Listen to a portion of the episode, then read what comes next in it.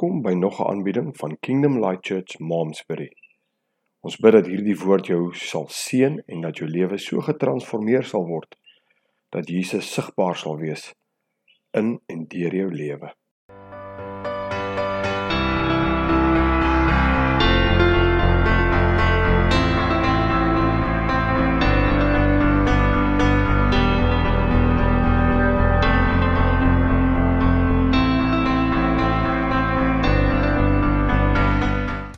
Wat 'n voorreg Henny kom staan hier by my. Dis vir my so lekker om om vir Henny vanmôre hier te hê. Yes, ek ek waardeer hom baie.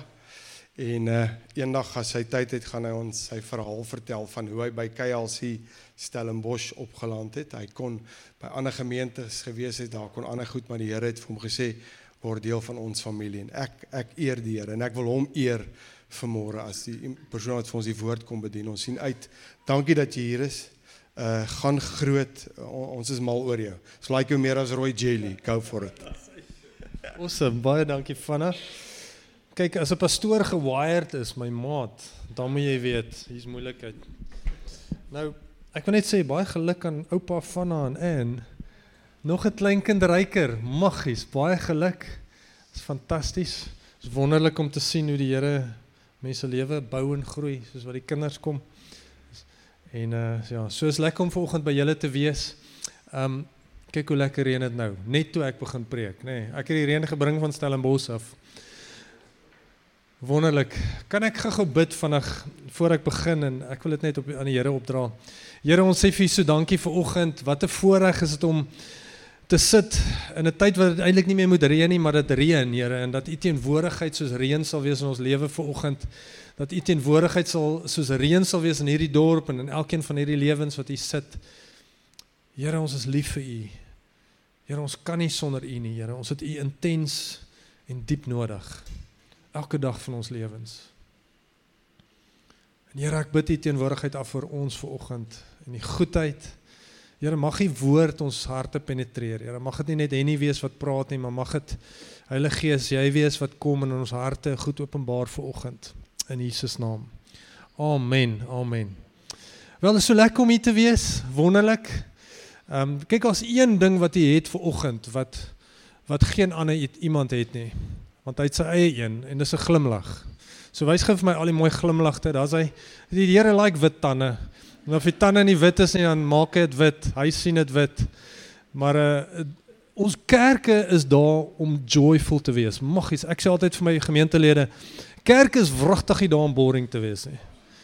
Dit is daar om lekker te wees, om van te wees. Toe ek ons het um ek was vir 15 jaar in Potchefstroom, 1000 studente in 'n gemeente gehad en het vir hulle elke dag vir studente gesê, "Maggies, as kerkie lekker is, wat maak jy hier?"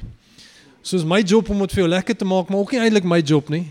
Want God het vir ons joy gegee. Hy het vir ons vreugde gegee. Dag hy in die kruis doodgaan, het daai graf uitstap, my maat was daar in 'n was oorvloedigende joy in ons lewe. En dis hoekom ek glo dat ons is in kerk om te kan glimlag vir mekaar, om te kan fellowship, om uh, om mekaar te kan geniet en om natuurlik die woord te geniet soos wat die woord Openbaring bring in ons harte. Vanna dis heerlik om hier te wees. Dankie. Ek moet vir julle sê julle is bevoordeel. Want julle het wragtig amazing pastore. Amazing. Kyk, is net een pastoor wraggies. As dit een pastoor wat sulke lekker ritme op 'n buis kan gooi, my maat, ek kan ek kan baie doen, maar ek kan nie buis speel nie. My dis hoekom ek 'n vrou getroud wat kan musiek maak, want as ek begin musiek maak en sing, hardloop die mense weg. Ek gaan verseker die kerk leer maak. So die Here het geweet. Nou vir oggend is dit heerlik om hier te wees. Ek wil graag met julle iets deel vir oggend en ek hoop dit drop in julle harte. Um dis iets wat al lankal in my hart klop hierdie ding. En um en dit is probably een van die mees simplistic as ek die Engelse woord kan gebruik, een van die mees simplistic beginsels in Christendom. Waarvan dit is en ek gaan praat oor 'n woord wat so so baie mense se lippe is, maar tog so min mense verstaan die ware essens van hierdie ding. Ek wil volgende met julle gesels oor een van die belangrikste sleutels in kerk vandag. As ook een van die belangrikste sleutels in jou persoonlike verhouding met God. Dis 'n sleutel. En jy weet as jy nie 'n sleutel het nie, wat maak jy? Jy staan by 'n toedeur. En en God gee vir ons sleutels in ons lewens om deure te kan oopmaak en goed te kan openbaar en oopmaak in jou lewe en in jou verhouding met hom. En dis hoekom ons baie keer praat. Nou as jy my ken en die van julle wat my nou al ken, as jy by my in die kerk sit, my gemeentelede weet ook al dat ek glo in die simplistic waarheid, die die die eenvoudige waarheid van die woord. Jesus het nie gekom in groot revelations gedeel nie, hy het 'n storieetjie vertel.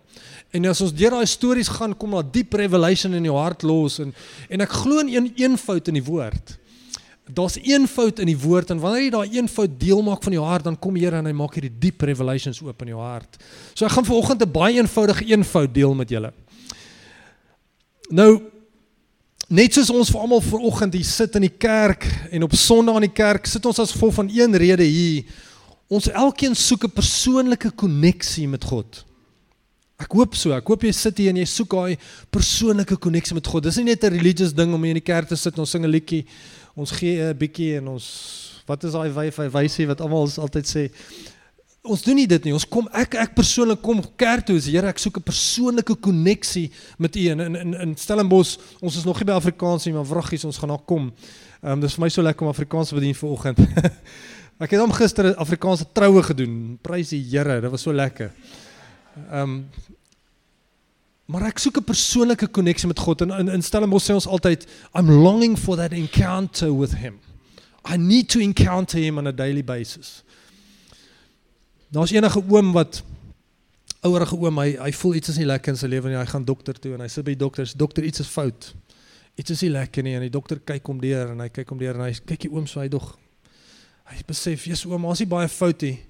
Iets alles lyk vir my alright." En die dokter dogter is dalk 'n emosionele dingetjie en hy sê en hy weet die oom is 'n kerkganger en hy vra toe sommer vir die oom, "Oom, hoe gaan dit met jou nie? Hoe gaan met jy en die Here?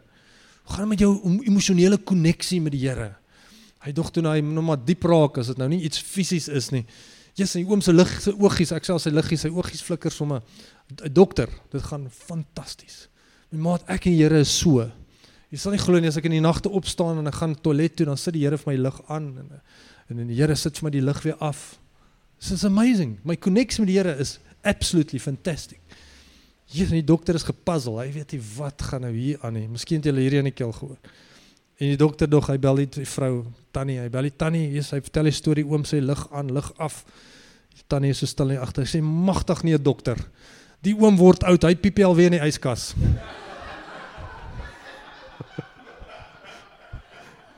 Nou ek weet nie van jou nie. Ek weet nie hoe lyk jou koneksie met die Here nie, maar ek hoop dit is 'n yskas koneksie nie. Enigste koneksie wat ek my yskas het is 'n chocolate melkie. Ek hoop ek sien enigste een nie. Nou met wie jy connect op 'n daaglikse basis is baie belangrik. Dis belangrik. Ons het mense nodig om ons. Ek weet nie van wie wie van julle wil jouself wie lockdown gelike. Asseblief jou hand opsteek hier. Ek het dit nie ek het alhoekom ek dit geniet het was ek was by my vrou en my kinders 24/7. Dit was lekker. Maar daar was moments wat ek so bietjie alleen wil kom. Ek ek kan nie sonder mense nie en ek dink ons is almal so gewired dat ons kan nie sonder mense in ons lewens nie. Ons het mense nodig. Nou die tema van my boodskap vanoggend is is iets anders en julle kan vinnig daar sien ek het 'n PowerPointjie. Julle kan vir ons die eerste slide gooi daar. Werk hy. Daar's hy. Nou my tema van my boodskap vanoggend is die Lego beginsel. Basic. Wie van julle het Lego gespeel? Wie van julle speel nog steeds Lego? Come on. Ek en my kinders, dit is lekker. Lego is fantastic. Dis een van die amazing. As jy ooit jouself 'n guns wil doen, gaan lees die storie van Lego.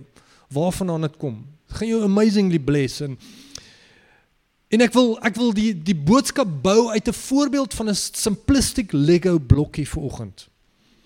Kom ek verduidelik vir julle die beginsel van koneksie met mense deur 'n Lego blokkie. Nou Lego blokkies is fascinerend. Die funksie van eh, die eh, hulle funksie is om te connect met ander blokkies. Boontoe en ondertoe. Dis sy funksie. Nou 'n blokkie op sy eie is quite boring want het jy ooit lekker met een blokkie gespeel? Asseblief moenie ja sê nie, want dan is al fout. Een blokkie is boring. Ons wil nie, maar as jy blokkies bysit, wanneer daai een blokkie connect met ander blokkies, man, gebeur iets amazings. Nou die wetenskaplikes het iets amazings uitgefigure. Nou hier's twee Lego blokkies daar. As jy een Lego blokkie vat, kan jy niks doen nie. As jy twee Lego blokkies vat, het jy 24 verskillende maniere om hulle met mekaar te connect. Dis nogal amazing. 24 verskillende maniere. As jy een blokkie bysit en jy het 3, het jy 1060 maniere om hulle met mekaar te connect. Is dit nie amazing nie? Nou hier kom die catch. As jy 6 blokkies het, het jy 102 miljoen 981500 maniere. amper klink ek so Zuma. Nee. 102 miljoen 981500 maniere. Dis hy. Wat klink ek beter?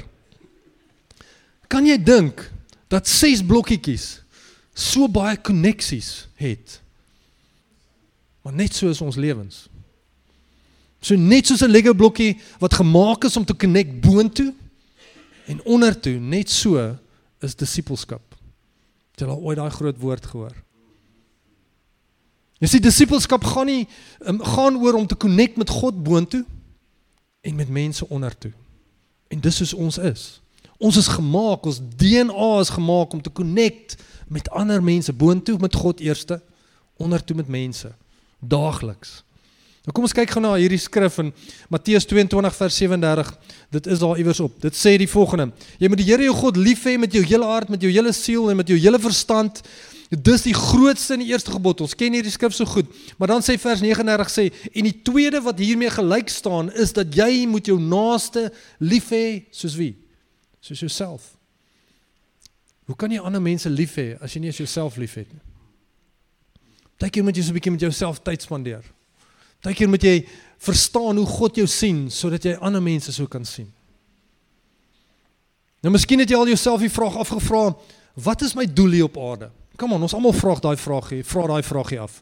Jy gaan so 'n bietjie deur lockdown, jy gaan so 'n bietjie deur 'n paar goeters, jou besigheid kry swaar of dit gaan swaar met jou verhoudings of iewers straik jy 'n ding in jou lewe en jy begin vra, "Jesus, maar wat is my regte doel in my lewe? Waarvoor is ek nou eintlik gemaak?" word so 'n bietjie ge ge um afgelê of ge wat is die groot woord geretrench of dan gaan mense deur daai vrae van maar wat is my doel op aarde? Ek was daar. Nou waarvoor spesifiek het God my op hierdie aarde gesit?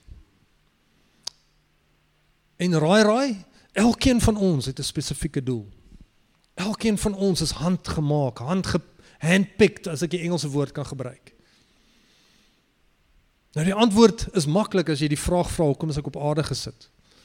Ons almal het 'n oorhoofse doel, die een een doel op aarde en dit is verhouding. God het ons gemaak vir verhouding. Eerste met hom boontoe, tweede met mense ondertoe. Lego blokkie, eenvoudig. Nou as ons kyk na ons elkeen se verhouding met God, is daar drie stappe wat vir my belangrik is. En en, en soos vinnig gesê het, ek hou van stappe en ek hou van goedjies en want weet jy wat ons onthou stappies en ons hou goedjies in ons lewens en en as daar een ding is as jy notas vat vir oggend of net 'n uh, mental note vat, daar's drie stappe wat belangrik is vir ons verhouding met God. Nommer 1 is om op te kyk. Ek kyk na God. Ek kyk na God. Ek connect met hom op 'n daaglikse basis. Ek maak my maak my Bybel oop elke oggend. Ek bid, ek worship. Ek ek het daai moments met hom want ek connect met hom op 'n daaglikse basis. Dis nie 'n religious ding nie, dis 'n relational ding. Here, ek het U nodig. Ek wil meer hê van U. Kom en vloei en stort, maak my vol. Stort jouself in my. Daai daai volle teenwoordigheid van U het ek nodig elke dag. Dan wat doen ons? Ons kyk in. Ons kyk op. Dan kyk ons in. En wat doen ons? Ons kom en ons mediteer. Ons proses hierdie goed wat God met ons doen en wat hy in ons lewens doen. Ons lees hierdie skrif. Partykeer hoe fyn die skrif my en ek vat daai skrif en ek maal hom en ek en ek verteer hom en ek kou hom en die Here kom en openbaar iets amazing in my lewe. Ons kyk op en ons kyk in. En so groei ons verhouding. En ongelukkig kom hier 80 80% van die kerk en die koninkryk vandag waar ons is en hulle stop by stap 2. Hulle kyk op en hulle kyk in en hulle kyk op en hulle kyk en o, so lekker en ek kyk op en ek kyk nog bietjie in en ek worship en ek kyk in en so o, so lekker en voor jy jouself kan kry as jy geestelik obese is. Want ons geen uitvloei nie. Jy weet hoekom noem hulle die dooie see die dooie see? Want hy het 'n inloop en hy uitloop nie. Die see van Galilea het 'n inloop en 'n uitloop. Daar's 'n daar's lewe. En dan kom ons by stap 3 en is om uit te kyk. Ons kyk op Here, ek soek meer van U. Ek kyk in, ek mediteer, ek proses daai goed. Here, kom gee vir my openbaring en nou wat doen ek? Ek kyk uit. Want dit is 'n natuurlike DNA ding van hoe God ons gemaak het vir verhouding in ons lewens. Ons is nie gemaak om net alles vir onsself te hou nie. Dis hoekom kerke nie gemaak is om net te stagneer by 3 nie. Ons moet groei, daar moet 'n uitkyk wees, daar moet daar moet iets wees wat die Here doen. Ons moet uitkyk. Matteus 28 vers 19 sê die volgende: Go therefore and make disciples. Hy het nie gesê in stay in your living room and make disciples. Hy het nie gesê en bly in die kombuis en eet beskuit en koffietjie nie. Nee nee, hy sê gaan. Hoekom? Want hy sê kyk uit. Moenie net inkyk nie. Moenie dit gaan nie net oor jouself nie. Dit gaan actually oor die mense om jou. Nou ek het volgens twee punte. Net net twee punte en ek wil dit in vorm van twee vrae vir julle gee. Volgens in in in as jy my nou al gehoor preek het, ek sê ou wat hou van 'n 'n lang lang asem preek nie. Ek kan maar maar volgens wil ek iets by jou los en ek vertrou die Here om om dit sodat daai saad sal wortel skiet in jou hart. Vraag nommer 1 is maak jou lewe 'n impak. Dis 'n basic vraag. Dink gou 'n bietjie oor dit. Dink oor jou lewe, dink oor jou werk, jou familie, jou vriende. Wat 'n impak het jy op jou vriende? Wat 'n impak het jou vriende op jou? Wat 'n impak het jy op jou werkers as jy 'n besigheid? Wat 'n impak het jy as 'n werker op jou op jou plek werkplek waar jy werk? Wat 'n impak het jy op jou familie, op jou kinders, op jou van ek kan aangaan. Maak jou lewe 'n impak. Dis een van die amazingste sportstories en as jy my ken, ek hou van sport. Ek was 15 jaar professioneel in sport betrokke en en um, en die Here praat met my oor sport goed. Ek weet nie van julle nie. En ek lees hierdie storie van 'n ou met die naam van Charlie Paddock. Ek kan vir my die die ding wys. Ja, Charlie Paddock. Is 'n Amerikaner wat 'n goue medalje in die 100 meter gewen het. En Charlie Paddock was 'n baie interessante atleet. Jy sien hoe spring hy daar oor die lyn, baie weird. En hy het 'n droom gehad en sy droom was om 'n Olimpiese goue medalje te wen. Dis al. Hy wil net goed gedoen het in sport. Hy wil iets doen. Hy wil iets groots doen. Hy wil 'n impak maak in sy lewe. En hy kry 'n coach en al wat sy coach vir hom sê is, "Charlie, jy moet jou arms so hard pomp as wat jy kan en dan moet jy jou bene so hoog optel en pomp so hard as wat jy kan en dan moet jy net oefen, oefen, oefen." En dis baie weird, maar hy het dit gedoen en hy het dit geoefen. En hy het geoefen en hy het geoefen en hy het geoefen en in 1920 Olimpiese spele in Antwerpen wen hy die goue medalje in die 100 meter. Amazing almal se lippe want hy hy's 'n hy's 'n onkonvensionele hardloper gewees. Almal het gedink, hoe is dit moontlik maar tog wen hierdie ou goue medalje in die 100? Want hy het 'n doel gehad, hy het geweet dat hy's gemaak om impak te maak in sy lewe. Kom terug in Amerika, almal ry vir hom, hy ry die bus met die ticket parade en dis fantasties. En hy praat eendag by 'n skool met 'n klomp kinders en in daai crowd sit daar 'n seentjie en in vervoering met hierdie man wat 'n goue medalje op die Olimpiese spele gemaak het. En sy droom is om ook dit te doen. En na die tyd gaan hy na Charlie Paddock toe en hy staan daar en hy hy, hy weet nie wat om te sê nie want hy's so opgewonde en Charlie Paddock sit sy hand op sy skouer en hy sê ek het ook al so 'n droom gehad toe ek so oud was soos jy. Jy kan dit ook doen. 15 jaar later wen hierdie seentjie vier goue medaljes. Volgende. Sy naam was Jesse Owens.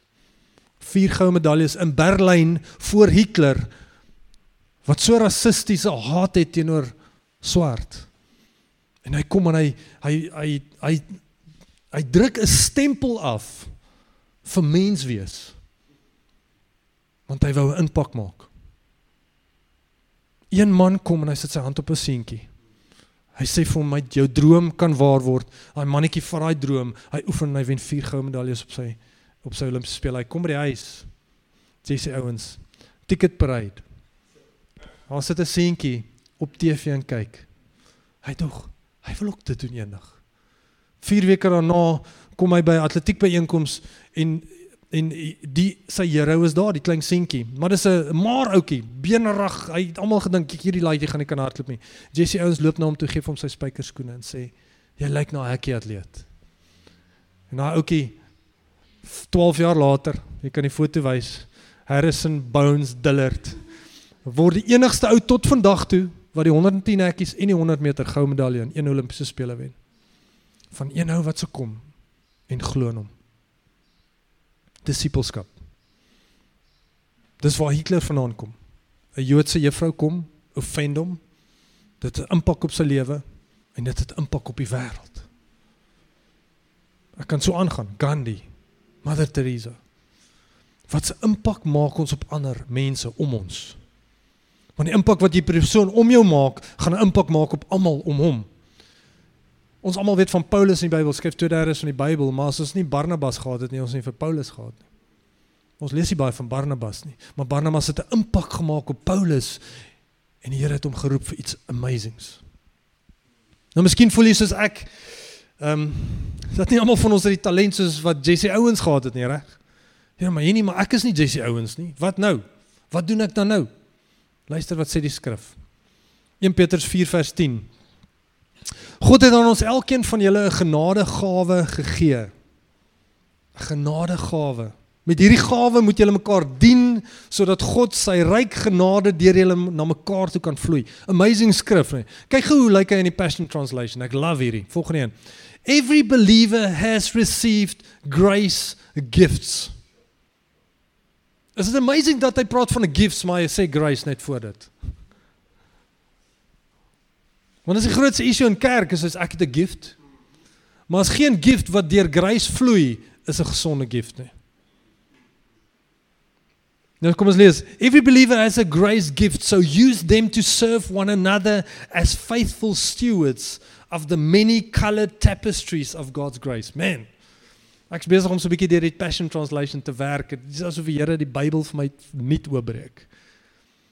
Is dit nie amazing daai nie? Jy sien, ons moet besef dat dit is belangrik om te weet dat God vir ons elkeen, hy het ons elkeen geroep om 'n impak te maak. Ek gee nie of jy sit vanaand, ag vanoggend en jy voel hier nie, maar ek is eintlik maar nowhere en ek doen ek doen nie veel nie, my lewe is verby of my lewe Nee nee, God het jou gemaak om impak te maak. KFC het begin deur 'n ou wat die laaste bietjie pensioengeld gekry het. Dit kon hom wat, dit sou hom 2 maande gehou het. Hy vat daai pensioengeld, hy belê dit in sy oupa se ou resepie om hoendertjies te maak en hier maak hy KFC, Kentucky Fried Chicken. Sy kinders se kinders se kinders se kinders sal nog leef van sy legacy. Want hy het gebeleef, hy het besef hy kan 'n impak maak in 'n bietjie. Maak nie saak wie jy is nie. God het jou geroep en gemaak en die DNA gegee om 'n impak te maak. Nou watter tipe impak? Die tipe impak hang alles af van jou gawe. Wat 'n gawe het God jou gegee? Party het 'n gawe om te praat, party het 'n gawe om te hardloop, party het 'n gawe om mooi te sing, party het 'n gawe om net lief te hê. Party het 'n gawe om net 'n oor te hê om te luister. Ons almal het gawes wat God vir ons gegee het. Maar as dit nie deur genade vloei nie, dan is dit nie genesend nie. Dis hoekom my woord sê grace gifts. Ons almal dink maar ek het 'n genade, ek het 'n gift, ek kan prophesy. Noem my sommer profeet. OK. Mooi. Waar is die genade? Waar is God se hart in daai gift? Hy sê gifts word gesteward, geskaaf, ge amper sê ek dink ek, ek is nou jy moet jy moet nou dink ek preek baie Engels, so ek moet nou weer terugkom my Afrikaanse brein hier aanskakel. Maar dit word geskaaf en ge, um, dit kan amper dit word beter gemaak in 'n opsig soos hierdie waar mense om my is om my gift te skaaf. As ek ek het 'n pastorale en 'n profetiese gift in my lewe, as dit nie wees vir manne in my lewe wat daai ding geskaaf het nie, my maat was ek nie vandag hier nie. Hulle het die genade van God gekom in 'n lewe, my liefgehad het gesê, "Ah, mm, ja, briljant." Maar boonbehalwe ons gawes het God ons elkeen dieselfde opdrag en die mandaat gegee. Selfe een in Matteus 28 wat sê: "Gaan en maak 'n godsimpak op almal om jou." Kyk uit kyk uit. Dis wat Jesus sy disippels geleer het. Kyk uit. Kyk op, kyk in. Jesus was 'n amazing voorbeeld. Elke nou en dan as jy die skrif gaan lees, gaan lees bietjie en hy het alleen weggeglip en gaan bid. Alleen weggeglip en gaan bid. Dan dink die disippels, "Waar is hy?" Hy het op gaan kyk. Dan het hy gekom en hy het ingekyk en hy het en dan het hy met sy na sy disippels gekyk en sê, "Kom ek wys julle hoe werk hierdie ding. Kom ek wys julle hoe werk hierdie ding." Het jy al ooit gewonder hoe Jesus het hoekom Jesus 'n disippelskap as metode gekies het? Ek het al baie daaraan gedink. Here, hoekom disippelskap? Hoekom nie 'n diktatorskap nie? Hoekom nie julle almal sal my dien? God kon net sy vinger geklap en gesê, julle almal dien my klaar, soop alles uitgesort, klaar. Maar hy het disippelskap gekies hoekom? Want God is 'n verhoudingsgod. Hy's 'n verhoudingsgod. Kom ek gee vir julle 'n voorbeeld van die krag van disippelskap. Hoe kragtig dit is. As ek nommer kom ons vat uh, persoon A en persoon B. Nou persoon A in julle geestesoog moet julle nou maar persoon A sien. Persoon A is 'n fenominale evangelis. My maat, hy sal sy hond na die Here toe lei as jy hom 'n kans gee. Kyk hierdie man, hy wil net oor die Here praat en hy sal elke ou na die Here toe lei wat hy kry. Dit is sy gawe, dis al wat hy wil doen. Nou kom ons sê, hy lei 1000 mense na die Here toe elke jaar. Dis nogal impressive. Is amazing. Traveling evangelist of wat ook al. 1000 mense na die Here toe per jaar. Na 15 jaar het jy 15000 mense wat die Here dien. Wat is dit nie amazing nie? Man, ek wil dit doen. Weet nie van julle nie. Maar dan kom ons by nommer B, meneer B. En hy is nie noodwendig bekering gefokus nie, hy's verhoudings gefokus. Hy's verhoudings gefokus. En hy kom en hy lei twee persone na die Here toe per jaar. Hy nee, hy lei een persoon en hy spandeer 6 maande met hom en hy stort sy tyd en sy sy alles wat hy het, sy kennis, hy sit met hom, hy help so hy help hom, hy hy hy ploeg in sy lewe in, hy gee om, hy's lief vir hom, hy huil saam met hom, hy lag saam met hom.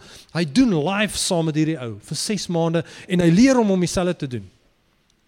En dan vat hy 'n ander ou en hy lei hom na die Here toe en hy doen dieselfde in twee mense per jaar.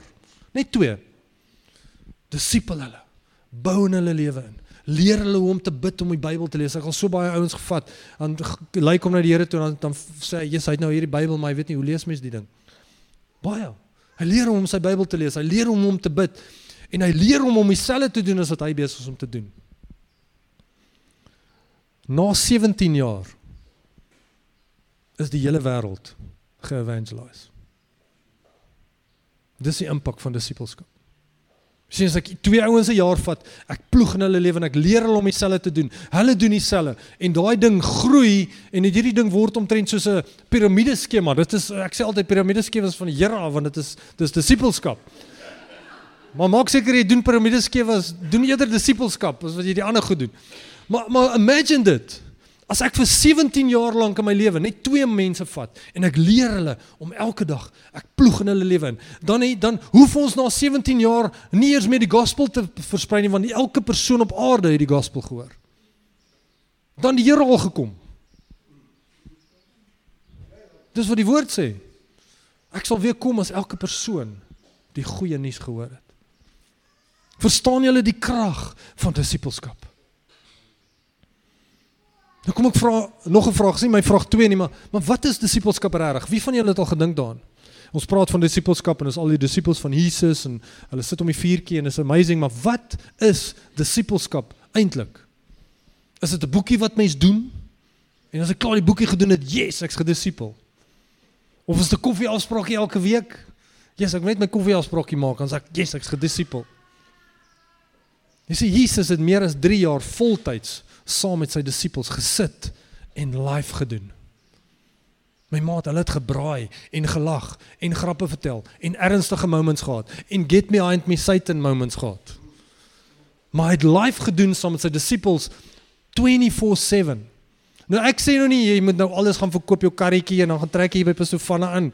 Dan sê ek hier's ek nou 3 jaar jy ons gaan nou gaan ons disippels skop. Nee, Daar's ander maniere en ander dinge en dit is 'n koffieafspraak hier elke nou en dan, maar daar's 'n hartroep, daar's 'n daar's daar's 'n behoefte in my hart en sê, "My maat, ek soek inspraak in my lewe." Toe ek 'n jong man was, het ek altyd ek het verstaan net deur die ding gaan en sê, "Ja, maar niemand disipel my nie."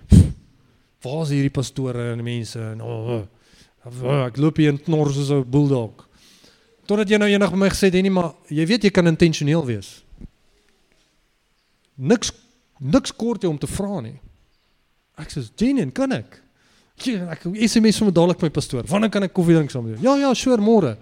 Ek dit werk. Jy gaan sit ons, drink koffie, amazing moments. Elke week begin ek my pastoor SMS. En later raak dit 'n 'n 'n normale ding van sê, "Man, sien jou donderdag. 7 uur. Great." Hy sê vir my, "Bring sommer jou Bybel saam. Dan lees ons 'n bietjie." En so is ek gedisipel in my lewe. So het ek ouens selfs nou nog, ek sit in in in in Stellenbosch, ons het nie baie mense van as dit hier, ons is ek soek mense. Goed, ons bel mekaar. Hoe gaan dit? Jep. Encourage my bietjie asseblief net. Ek het disipelskap nodig in my lewe. Jy sien hierdie disippels het alles saam met Jesus gedoen, maar bo dit alles, bo alles, die belangrikheid van hierdie tyd was verhouding met sy 12 manne. Verhouding met sy 12 manne. Dit was die fondasie van sy disipelskap fondasie in alles. Sien al die tools en al die amazing goed is fantasties. En dit is deel van ons disippelskap prosesse. Maar disippelskap vloei uit verhouding. Jy's nie 'n eiland nie. Jy's nie. Jy kan nie alleen funksie nie. Jy het mense nodig op jou gelukkigste tye en op jou hartseer tye. En dis amazing in kerk en ek kom nou al 25 jaar as mense hartseer is dan soek hulle die pastoor. Nou. As hy bly is, nie wat ons sal volgende week die pastoor sien. Of my selleier of En en en en dit is totdat jy kom by 'n kerk waar 1500 mense is en besef pastoor sal doodgaan na 3 weke. En dan begin jy leiers oprig. En mense begin ander mense sien en leiers begin in ander mense se lewens inspraak gee. En dan begin hierdie twee begin ander twee en ander twee begin ander twee en dan ewe skielik het jy 'n kerk wat gedisipel word, 'n gemeenskap wat gedisipel word omdat een ou sê ek wil impak maak op hierdie twee mense. Net hierdie twee.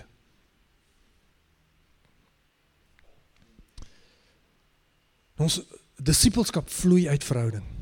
Eerste met God, baie belangrik. Tweede met mense. Belangrik. So belangrik. Nou verhoudings met God is amazing, maar verhoudings met mense kan baie keer messy raak. Kom ons wees nou eerlik. Mense hou ven mekaar. Eyster slyp eyster. Mense hou ven mekaar. Maar dis uit daai plek van offense wat ek groei en stap opgaan. Ek het hierdie week weer met iemand gesit waarvoor ons so lief is, saam met ons kerk geplant en net gevoel ons moes 'n moment van korreksie met hulle hê omdat veral omdat daar 'n sterk gift is. 'n Sterk gift. Ons is so lief vir hulle en daai gift moet gesteward word. En ek as herder, herder in haar lewe moet vir haar sê, "Jesus is lief vir jou, maar ek moet jou help steward in hierdie ding. Dit kan nie impulsief wees nie. Jy gaan mense seermaak. God se verhouding is sy hart is mense. So kom ek help jou en ek steward jou en ek skaaf jou en as jy hierdie ding gaan vat, volgende level. Volgende level. Maar ek het paar weke terug saam met Sean gesit. Pink. Bietjie oor die vingers bietjie getik. Ek het dit nodig. Want as ek goed impulsief begin doen en ek maak mense seer, dan maak ek koninkryk seer en ons is die bruid van Christus. Dis hoekom ons nie enige ou agter 'n mic sit in ons kerk nie, want hy praat met die bruid van Christus. My maat sê ek in die dorp kom en 'n ou skree op my vrou, my maat, ek stap oor en ek sê vir hom luister. Jy praat nie so met my vrou nie. Hier is my bruid. En dis hoekom ons ownership vat as pastore, as herders in mense se lewens om te seker te maak dat die bruid gesond bly. Maar wanneer ons deur daai goed gaan van disippelskap, happy moments, joe, tough moments, korreksie, mense klim na 'n volgende level toe. Disippelskap werk so en dit is nog 'n security security ding vir 'n pastoor of vir 'n leier. My seuns, oudjies, ek noem dit altyd my seuns. Toe ek op universiteit was en ek het klomp manne gehad, ek het 15 ek dink ek het 18 klein groepe gehardloop in 'n week. Here help. Weet nie hoe ek daai gedoen nie. En almal van daai ouens, 18 manne wat daai groepe gelei het, was soos seuns vir my. En meer as die helfte van daai ouens is onder my uit. Ek sit en hulle luister en dog ek, "Jog, wil jy 'n bietjie vir my kom preek hier asseblief?" Want dis wat disippelskap is. Saam met my al my kwaliteite wat ek in jou in deponeer en jou mee help, saam met jou kwaliteite moet jy mos beter wees. Daar's humility in die koninkryk baie. Sy disippelskap is nie 'n taak wat ons moet afhandel nie. Dit is 'n liefde vir God en 'n liefde vir mense. Wanneer ek moments saam met manne in my lewe het en ek het twee manne selle vroeg in die oggend na 7uur sit ons man ons drink koffie en ons eet ontbyt en ons praat te mekaar se lewens in en ons moments. Daar's moments wanneer sê chom, jy's daai wat jy dink, ek sal eerder so dink. Kom ek kom ons bid, kom ons vertrou die Here deur die diepste ergste, hardste goed, deur die mees amazingste goed, celebrate ons saam, ons saam bou verhouding en dan kom iets in mekaar se lewens los wat iets amazings is. En ons begin saam droom en sê ouens, ek hoop jy ons is oor 6 manne nog by hierdie twee groepies nie. Maggies, ons moet by 5 groepies wees. Julle elkeen, die Here het julle geroep om iets te doen in hierdie dorp. Die Here het julle geroep om inspraak te gee in ander besigheidsmense se lewens. Begin jy nou al droom oor wat se ouens wil jy saam mee koffie drink donderdagoggend? En al begin dit messy raak, dis oukei. Okay. Daar's genade. Grace gifts. Grace gifts. Genade in ons lewens. Nou Jesus se verhouding met die Vader was so intiem dat sy verhouding met al die mense om hom amazing was. Sy het opgekyk en hy het gekry en hy het gemediteer en hy het geproses en dit het, het soms sy hart verander en toe hy begin gee en uitkyk, is dit net liefde gewees. Dit was net liefde. Daar's nie diktatorskap nie. Daar's nie van ek onthou disippelskap is nie net korreksie nie. Jesus het nie elke dag vir Petrus sê, "Hey, Satan." Dit was maar once a time, one one moment gewees.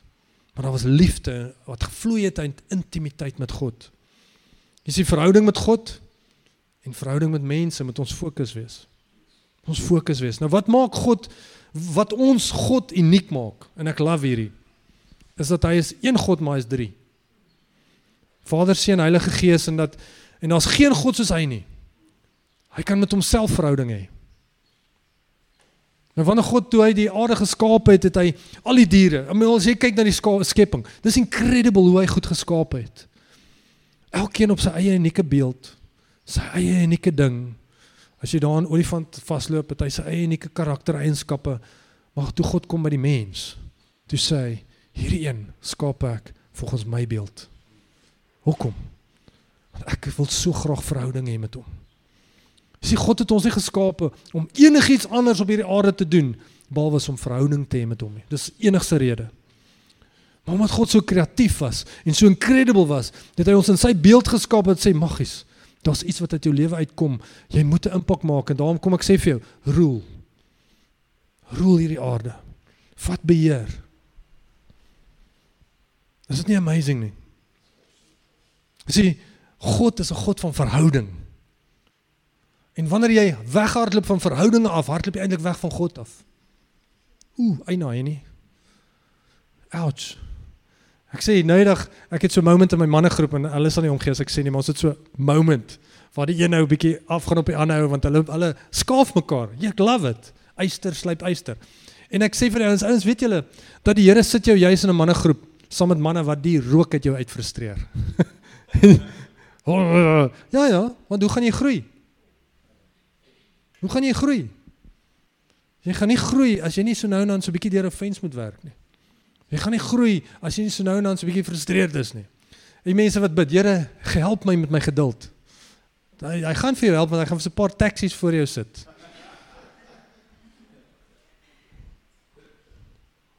Julle weet waarvan ek praat. So, die sleutel van disippelskap is dus koneksie deur gesonde verhoudings. So hoe lyk dit? Hoe lyk hierdie ding? Kom my nommer 2. My vraag 2 is: Hoe lyk die verhoudinge in jou lewe? Hoe lyk die verhouding om jou? Ek vra nou vir haar sê hoe lyk jy? Hy sê nee, fantasties. Sê hoe lyk die verhouding met jou buurman? O nee nee, ons chat nie, ons chat nie. Hoekom nie? Dis 'n verhouding om jou. Kom ons kyk weer na Matteus 28 vers 19 en ek wil uit die Amplified Bybel uit lees. Dit sê go therefore and make disciples of all nations, help the people to learn of me, believe in me and obey my words. Baptizing them in the name of the Father and the Son and the Holy Spirit, teaching them to observe everything that I have commanded you. Hier is hierdie ou, verhoudingsgefokus, twee manne. Ja, nou leer ek jou. Ek leer jou hoe om meer van God te leer, meer te obey, meer ja, man, Kom ek leer jou alles wat ek het en dan sê hy daar so teaching them to obey, observe everything that my disciple, die ou wat my disipele my geleer het. Nou kom ek drop gou hierdie een by julle. Net disciples kan disciples maak. Net disciples kan disciples maak. Beteken ek is 'n pastoor en 'n evangelis en profeet. Ek hoef nie meer gedisipel te word nie. Nou jy moet nou juis disipel word. Net disippels kan disippels maak. En ek het altyd vir my manne gesê toe ek met jong manne gewerk het, jy hoef net een hoofstuk voor te wees. Ek sit saam met my persoon, gaan ons deur Matteus sê maar 28. Ja, ons begin hier. Dis 'n revelation kom deur. Man, ek so opgewonde. Waar's my manne? My. Jy, jy moet hierdie amazing woord hoor. Kom ek kom ons vertel 'n bietjie vir jou. Drink koffie. Soos wat hy my disipel disipel ek hierdie ander twee ons. En en ek hoef nie te sê disipel nie, maar soos wat hy inspreek in my lewe spreek ek in hierdie mense se lewens in. Ek maak 'n impak in hulle lewens, maar ek's net een hoofstuk voor. Is nie amazing nie. So amazing hoe God werk. Nou wat sê Jesus hier vir sy disippels? Baie belangrik. Hy lê sê vir hulle drie goed. Ek kan die volgende. Ken my? Volg my en wees net gehoorsaam.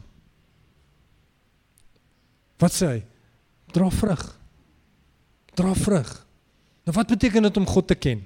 Ek sit saam met 'n ou eendag en ek sê vir hom ek sê vir hom, "Wat is ewige lewe?" En ek het dit al soveel soveel mense gevra en ek het dit miskien al hier gedoen. Maar as vir iemand sê wat is ewige lewe, wat is jou antwoord? 8 uit 10 mense sal sê, "Ja, wel dis om vir ewig saam met God te woon, om in die hemel te wees, om te weet dat my lewe was reg en ek gaan na die regte plek toe." Goeie antwoord. Maar dis nie wat die woord sê nie. Johannes 17 vers 3. En dit is die ewige lewe, dubbelpunt. Dit beteken, kom ek verduidelik vir jou wat die ewige lewe? Dat hulle U ken, die enigste ware God. En as jy gaan kyk na die woord ken in die Griekse ehm um, vertalings dan beteken dit to have intimacy with. Die Bybel sê and Adam knew Eve and she conceived. Daar's 'n intimiteit met God. Wat het wat het wat het Jesus gekom? Here, kyk op. Ek het intimiteit met U nodig. Mediteer op die woord. Ek het meer van U nodig. Hy ken God. Hy proses daai ding en nou omdat hy God ken, man, toe, nou gee hy. So om God te ken is 'n soeke na intimiteit. En iemand anders kan nie vir jou intimiteit met God soek nie, jy moet dit self soek. Ek kan nie iemand vir my sê, "Hoor, jy sê 'n bietjie vir my kerk toe gaan Sondag." Toe ons op skool was, het ons altyd probeer. Ek gedog, ek wens ek is 'n identiteit tweeling gewees. Ek my broer gestuur om vir my wiskunde of iets te gaan skryf. Skryf net my naam al. Op universiteit het van my pelle dit ek sê gedoen, ek het nie, ek wil net dit sê. Jy gee net 'n studentekaart en die nommer, dan gaan daai man, hy's 'n masjien in in in 'n in in tegnologie dan. Skryf hy gaan jou vraestelletjie, gee hom 100 randjies. Dit het gebeur. ek dink 'n paar manne het hulle hulle grade so gekry. Here help. Daai werk waar hy gaan werk. Maar sien, disippelskap is om ons om intiem te wees met God vir jouself. Niemand kan dit vir jou doen nie, net jy kan dit doen. Intimiteit bring 'n diepte in jou verhouding in in met God en dit maak jou passievol om wat te doen, om hom te volg. Sien wanneer jy hom ken en dan kom 'n intimiteit in jou lewe in. Oh, Jesus Here, ek, dit is so amazing. Ek wil volg. Man, it's amazing. Hoeveel van julle het in lockdown hierdie funny ou op op Instagram dalk raak geloop of of 'n uh, Trevor Noah wat se kop nou raas en klomp alle goeters. Jy kry hierdie ouens op Instagram en jy jy, jy lag en dit is so amazing. Wat doen jy môre volgende dag? Jy kom ek volg hierdie ou. Kom ek check bietjie wat se nonsens. So ek like the kiffness. Wie wie wie wie luister na the kiffness? Dis is baie. Julle moet asseblief by van julle disippels met 'n kiffness. Hy is hierdie ou wat hierdie awesome loops begin maak het in in lockdown. Hy's net absolutely creative. Hy het nou so 'n nuwe ding wat hy sy hond se mond so. Dis dis baie funny. Hy maak hy musiek. En jy weet as jy hierdie ou like, dan gaan volg jy hom. Want dat iets gestraik in jou in jou binneste en wanneer jy die woord oopmaak, wanneer jy iets met God ervaar in jou lewe, man, iets in jou hart drop en jy wil, Here, nou wil ek volg. Wanneer ek saam met daai persoon sit, saam met daai vriend van my en ons 'n disipelskap verhouding in ons lewens en daar's 'n inspraak in my lewe, man, Jesus ek sien uit, dude, sien ek jou volgende week. My vrou en sy my my, my vrou het begin met 'n um, ook 'n vroue groep en ek moet vir hulle vat dit na die next level toe. Here help daai vrouens. Ek dink dit is soos hulle is amazing. Hulle begin 9:00 op donderdagoggende. Half 3 die middag gaan bel ek my vrou. Hoorie, is jy is jy okay? Is het iemand dood gegaan? Wat gaan aan nou? Nee, ons kuier lekker, ons teken 'n prentjie en is fantasties. Maar hulle kan nie ophou praat oor dit nie. Want Here het iets gestraik in hulle. Daar het iets van intimiteit met God het gevloei deur die verhoudinge in hulle lewens in. En as gevolg van dit het hulle begin volg. Nou soos die disippels vir Jesus gevolg het, het hulle gegroei. Hy het nie gesê, "Oké okay, Jesus, ek sien jy gaan soontoe, kry weer as jy terugkom." Nee nee my maat. Hulle het geloof wil sien. Ja, ek wil kyk, wil sien as hierdie waar is die volgende dowe oor? Waar is die volgende blinde oog? Ek wil sien. Dis hoe ek geleer het om vir siekes te bid. My pastoor het gesê, "Kom hier, kom hier, kom hier. Staan hier so. Bid." Die Here doen 'n wonderwerk. Hy sê, "Oké, okay, kom. Vat."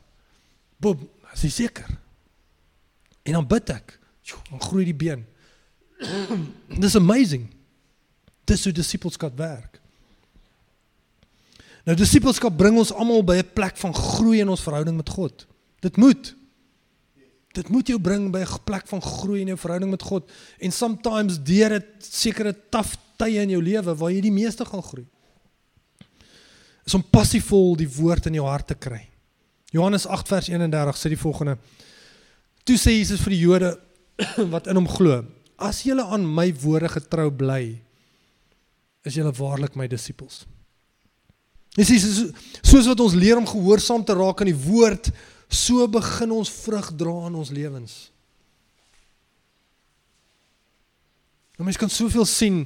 Ek kan duidelik sien as iemand my kom en hy begin bedien en ek kan onmiddellik die vrug in sy lewe sien. Jy sien dit. Dis van hier af uit. As jy daai tandepasta by sy druk, dan wat wat binne is kom uit, my maat. Jy kan niks doen daaraan nie. Maak iemand net bietjie kwaad. Dan kyk jy wat gebeur. Daai vrug kom uit. Jy sien vrug is essensieel.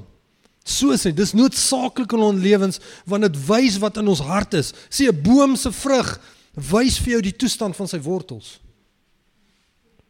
En jy wil gesonde wortels hê in jou lewe. Jy wil.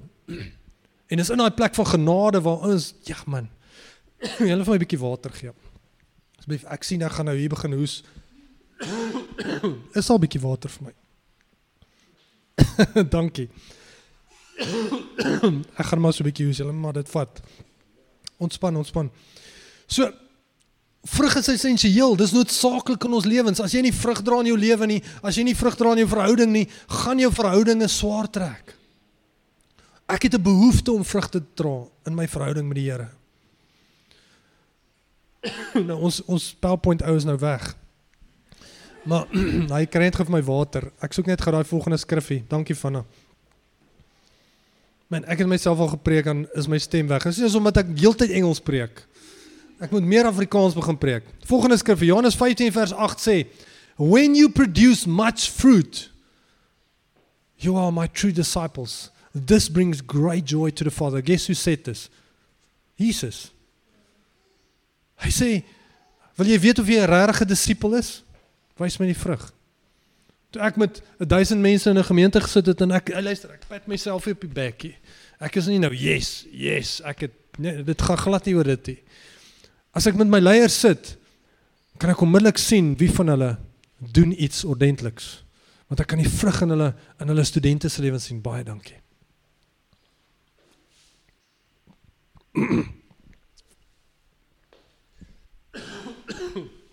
Daar sê Sjoe. Waar kom hy vandaan?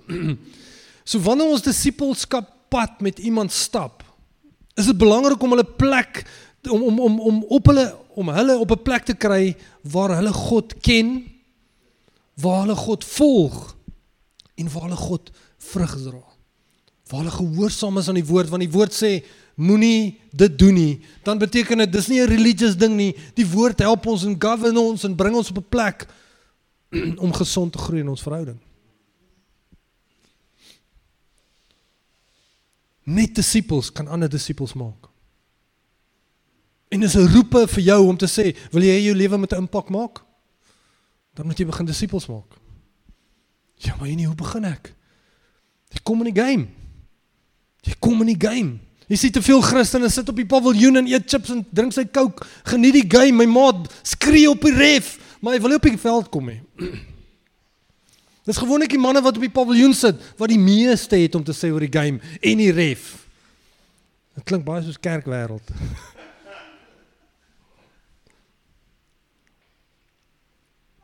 Ek moes manne persoot in my lewe.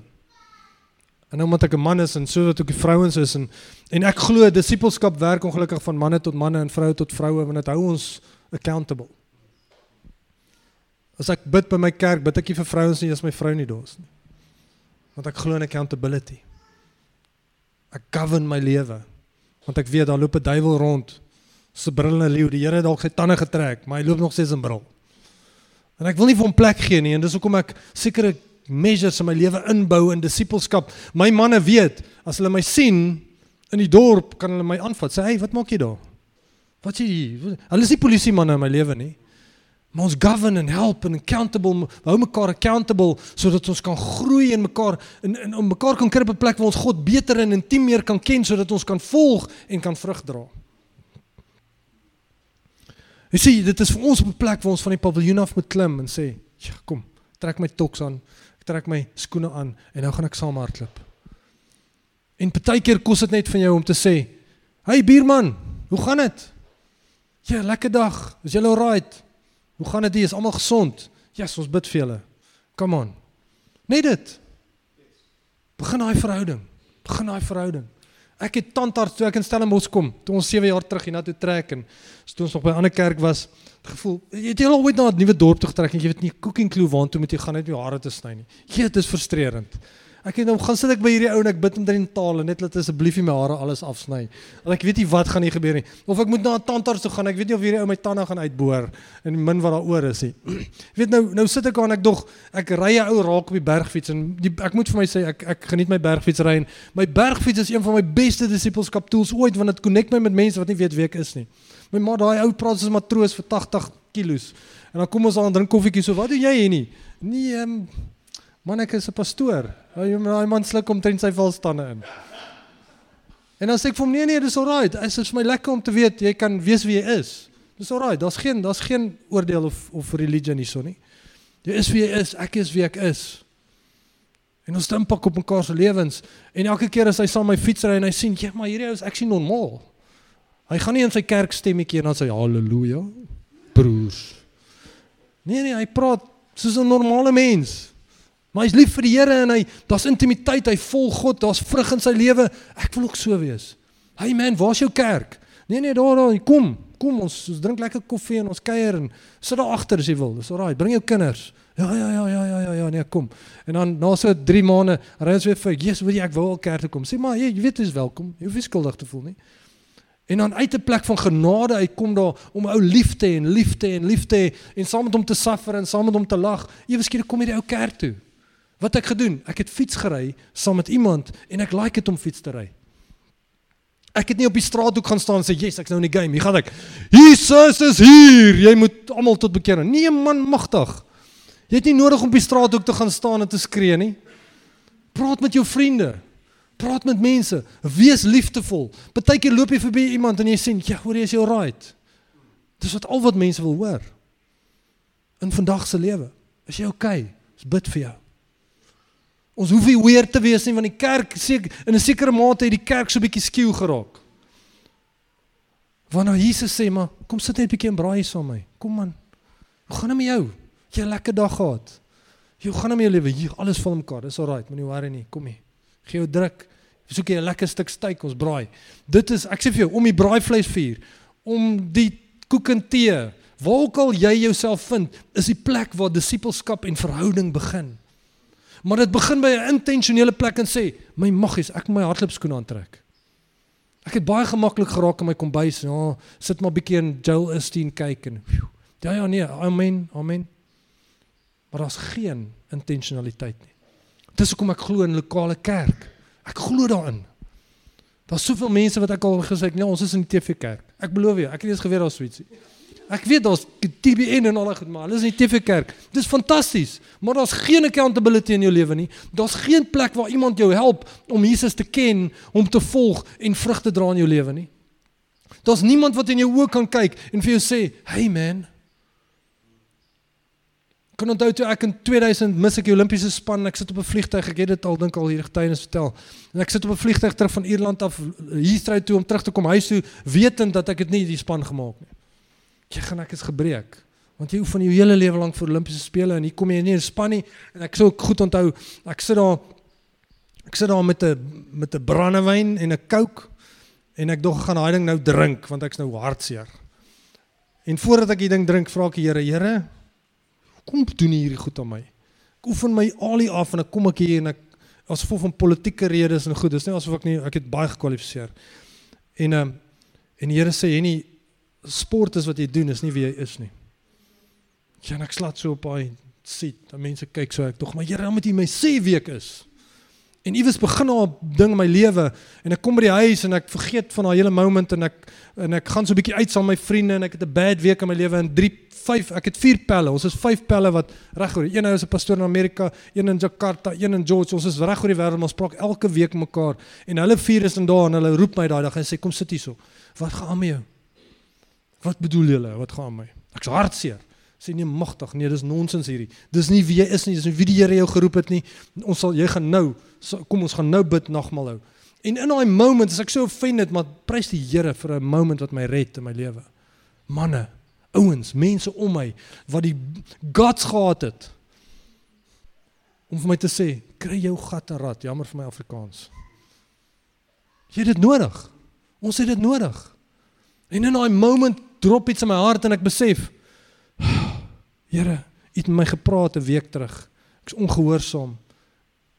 En in daai moment, deur daai vriende van my om my, begin ek leer wie's ek. En die Here begin 'n journey met my lewe loop. Getuienis op getuienis op getuienis. En ek wil julle as 'n mooi Engelse woord challenge vanoggend. Mag daar iets in jou hart drop. Dat Jesus het nie vir nuut aarde toe gekom en met 12 manne gesit en sy lewe in hulle ingestort nie. Ek weet daar was 120. Maar ek beloof jou Jesus het net na 12 ingeïnvesteer. Die 12 het in die ander 108 se lewens ingewerk. Ek beloof dit absoluut. Ek glo dit absoluut. En ek gaan deur al hierdie goeters en ek en en dit is amazing hoe Jesus intentioneel was met hulle konstant. As jy nie iemand in jou lewe het nie, kry iemand. Bel vir Vanna. Vanna, kan ek volgende week Vrydag middag 'n uur net saam jou koffie drink? Ek wil net kuier. Dis oukei. Okay. Ek soek net iemand wat in my lewe kan bietjie inspreek, wat my kan help, sal my bid. Miskien het, het is al ek het al saam met ouens gesit dan vra hy vir my al hierdie vrae en sê ek vir my ek het nie 'n cooking clue nie. Maar ek kan saam met jou bid. Die Heilige Gees weet. En dan weet jy daai wat jy het, ek gaan uitvind vir jou. Dan gaan ek na die ou toe wat my disipels sê ek het die antwoord vir hierdie vrae nie. Dan sê hy oor is maklik. Hy het ook al so so gaan ek hom terug en sê ek okay, ek het vir die antwoord. Dis disipelskap. Soos wat iemand in my lewe instort, so stort ek in ander mense se lewens in. Maar weet jy wat? Ek's intentioneel om te sê ek het dit nodig sodat ek kan gee. En elkeen van julle wat vanoggend hier sit, Momsbury kan verander in 1 jaar se tyd as mense dit gryp en sê ek wil impak maak. Wat doen jy as jy in die ry staan om geld te trek? Wel deesdae trek nie baie mense meer geld nie. Miskien doen julle of of in die in die tils ry by Pick n Pay of Checkers, staan jy net maar net daar en wag of chat jy bietjie met die mense om jou. Hey, jy's lekker dag. Is jy alright? Jy's lekker Kersfees. Happy Christmas. Joe, ek like weet hoe kom nie. Partykeer praat die Here. Ek sê elke Here praat met my. Ek gaan hierdie ry staan. Ek staan nou hier. Ek het niks om te doen nie. Praat my. As jy wil wil jy nie iets iemand sê nie. En ek hoef nie weer te wees nie. Partykeer sou ek tannie voordat ek sê, "Hey tannie, jy sê ek sien tannie in groot inkopies. Tannie lekker kinders wat kom." Ja, ja, ja. Sê tannie, ek voel net die Here sê, "Hy's so lief vir tannie." En tannie is so goeie huisvrou, so goeie strane, boem. As jy bless tannie, jy's geniet die vakansie. Wat was dit? 'n Moment. Ek het uitgekyk. En dis nie omdat ja, maar nie jy's 'n pastoor nie. No ways man. Ek is 'n Christen. Die Here het net vir my 'n job gegee om hier voor te staan om te praat en te kan leef. En ek maak ook foute. Ons maak foute. Ons ons is nie perfek nie. Maar ons hart klop is mense. As jy in Stellenbosch instap en ek weet dis dieselfde as ek begin op Sondagoggend en sê hulle we love God and we love people. That's all you need to know. Welkom, welkom by KLC. Hierso is ons lief vir God en ons is lief vir mense. Gaan ons perfek wees? Haai konna. Ons gaan nie. Maar uit daai onperfeksie uit gaan God kom en hy gaan iets amazing doen. My pastoor was was 'n interessante ou. Kyk, hy hoe die hoe super impulsief. Hy hy as hy jou nie een keer 'n dag offend nie, dan is dit amazing. Maar ons het altyd gesê my maat my pastoor is 'n kromstok, maar my magtige Here slaan reguit hou met hom. en dit is nou nie meer vandag, ons is nou in genade. Kyk, wragtig. Maar hy het my geroer. Ek's twee keer gefire as 'n pastoor al by hom. Dan kom ek maar terug sê die Here het my gepraat en dan is ek maar weer terug gaan werk in die kantoor vir 'n maand. Tel bietjie strokies, dan kom ons terug. Soos ek gedisipel op 'n harde manier. Maar weet jy wat? Ek het die liefde van God ervaar in daai ding. En as ons vandag kuier, beste Pella, sê hy, jy, nee, hy's so jammer. Hy was so hard op my. Sê ek, Willem, ja, dankie. Dankie Dankie, dankie, dankie dat jy so hard was met my wanneer ek hard moes gewerk gemee gewees het. Dankie dat jy my gefire het wanneer ek so bietjie vol was vir myself. Gesê het vat jou lemoene en pak, jy is nie meer welkom in hierdie kerkie. Dan sê ek nee maar ek weet wat ek moet ek geroep vir ministry. Okay, gaan hoor wat sê die Here. Ek sien jou môreoggend 8uur. Maak dit 7uur. OK, jy gaan sê op my gesig. Here, kom asseblief daag op. En dan praat die Here met my en dan guess waartoe gaan my intimiteit? Next level. Kom sit ek sê ek wil net eers sê jammer. Ek het 'n moment. Maar as dit nie vir daai man was in my lewe nie, as dit nie vir manne was in my lewe nie, vir my ma in my lewe wat vir my gebid het nie. As ek nie vandag hier nie. As ouers is dit ons eerste verantwoordelikheid om ons kinders te disipel. Ons is nou, ons ons dogters word 11 Vrydag. En ek sê, Here, die disipelskap raak 'n bietjie rof hier. Ek weet nie of ek moet voeter of lief wees nie, maar wragtig ek moet iets doen. Maar daar's iets in ons lewens waar ons is geroep om impak te maak. Al wat jy moet doen is wees intentioneel. Sê, hier's ek. Yes. Van nou magtig, jy kan nie hierdie kamera alleen opsit nie. Ek sal dit doen Sondag. OK, great. Vat hom. Ek gaan kom ek leer jou gou 'n bietjie. Doen dit, doen dit, doen dit. Daar raak dit jou ding. Ek het tapes gemaak in ministry. My broer, tapes. Jy vat daai tape en dan kopie hom op hierdie tape en dan gooi jy hierdie tape want jy tape kassies. Here, dankie Vader, ons is nie meer by tapes nie. En dit was vir my hel op aarde gewees. Maar ten minste het ek die woord gehoor. Terwyl jy daai ding edit en nou edit ons preke. Nou is dit die moeilikste ding jy met jouself luister. Nou luister ek na myself, edit myself. Jag nee, ek het daar lelik gepraat. Kom ons edit daai uit. Maar ons word gedisipel en die Here is lief vir ons en hy wys sy liefde vir ons deur ons lewens. So om jou hand op te steek en sê Here Isak, wat wil U doen? Hoe kan ek dien? En is deur dien diensbaarheid wat die Here jou jou oopbreek. Wat het Dawid gedoen voordat hy een van die mees definingste moments in sy lewe gefase het? Goliat. Wat het hy gedoen? Hy het sy broers gedien. Sy pa sê, "Hey, Dawid, kom hier. Brood, kaas, skietpel. Donkie." Nou Dawid dink ek was net opgewonde. Jy's oorlog. Yeah, ek gaan 'n bietjie oorlog. Maar wat hy gedoen? Hy het sy broers gedien. En soos wat hy gedien het, het hy in sy defining moment ingeloop. Ek het by die kerk gestaan en geasher want ek wil die girls ontmoet. Hallo. Môre. Ja, ek sê dit eerlik. Toe ek daar staan, daar toe ry die Here my raak. En ek begin sien wat die Here doen en ek begin met ander ouens praat en ek het koneksie ou wat langs my staan, nooi my na sy klein groep toe. Hier sit ons en hy begin my disipel in my lewe inspraak. Ewe skielik kom maar goed los in my lewe en ek raak intentioneel omdat ek gedien het. En omdat ek gedien het, het die Here iets gedoen in my lewe, ek het gegroei. En dis hoekom jy kan nie in 'n TV kerk groei nie. Jy gaan geestelik input kry. Jy gaan revelation op revelation op revelation op revelation op revelation kry, maar die die ware vrug kom in 'n lokale gemeente, in 'n gemeenskap waar ek so nou en dan 6 uur moet opstaan en 'n speaker kom dra of 'n ding moet doen waar ek wil nie dit doen nie. Maar wanneer ek dit doen, trek ek my tekkies aan, ek's op die speelveld, ek los my coke en my hotdog op bo en ek sê nou's ek reg. Here, nou join ons. Nou geniet ons dit.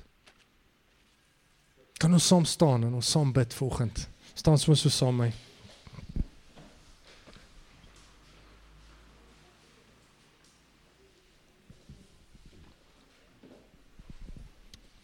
Here, ons sê vir U so dankie vanoggend. So Here, dit is so voorreg om U te ken. En Here vir die wat hier is wat wat wat sê dat joh, ek ek het nodig om U dieper en meer intiem te ken. Dankie dat U hulle harte vanoggend hoor. Dankie Vader dat niemand van ons perfek is nie, maar deur U wat deur ons lewens werk, kom daar perfektheid los. En dat U daai daai daai performance ding van ons afhaal deur 'n genade stamp op ons kop te sit en sê, "Man, ek het alles vir jou gedoen." Al wat ek van jou wil hê is om te hardloop met wat ek vir jou gegee het. En ek voel iets van julle wat volgende hier sit en dit is besig om te gebeur. Dis wat ek volgende gehoor het en ek kan sien hoe die Here van julle gaan release om te hardloop met nuwe goed, met nuwe idees. En hoe die passie gaan loskom om hierdie dorp te raak. Daar's ook van julle hier wat wat ek voel wat die Here sê wat daar's 'n sekere hardheid in jou hart wat jy nie bereid is om te los nie. En die Here sê ek gaan mense in jou lewe sit wat daai hardheid gaan sag maak. En ek hoor hoe vra hy, is jy bereid?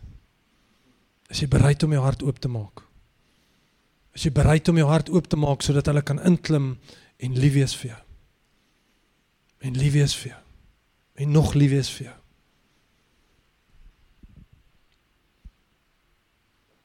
Ek sien hoe van julle oor die muur roep na die buurman toe en dan begin 'n verhouding en en die Here begin hulle lewens aanraak en jou lewe meer en daar begin iets in julle straat en ek kan sien hoe die vure begin brand in in Maamsbury van die gees van God wat mense aanraak. Omdat ons intentioneel is om nie meer op die paviljoen te sit nie, maar om te jol om deel te wees van die lewe, om 'n impak te maak op mense se lewens wat die wêreld kan verander. Om 'n Paddy um um Petcock te wees of 'n Jesse Owens te wees of 'n Harold um Harold Bones Dillard te wees. Wat een een woord kan gee en dit kan 'n impak op die wêreld om ons maak. Here ons sê vir dankie vir die voorreg. Dankie dat disippelskap nie 'n religious woord is nie, maar 'n verhouding ding is. En mag U hierdie verhouding ding in ons harte vasmaak om U te ken, om U te volg en om 'n passie te hê in ons lewe om vrug te dra. En mense toe te laat in ons lewe om ons om, om ons te help om vrug te dra. Here ons gee oor vanoggend hier. As jy vanoggend hier is en miskien kan jy net jy almal ons oë toemaak. As jy hier is vanoggend voor jou en die Here, nie vir my of vir van of vir enigiemand nie. As jy hier is en te sê Here ek's bereid, begin iets doen. Wil jy net jou hand jou hande opsteek vanoggend nie? As jy party daar is dit net 'n plek van van van intentioneel wees sê Here hierso is ek. Hierso is ek. U sien my vanoggend. Here help my om my vriende impak te maak op hulle lewens. Al weet ek nie hoe nie. Help my om met mense te kan praat sonder om skaam te wees. Help my om om iets kleins te begin doen vir u sodat u iets groots kan doen vir ander. Dankie dat u die harte sien, ken vanoggend. En dat daar draai kom vanoggend in ons harte in die naam van Jesus. Thank you.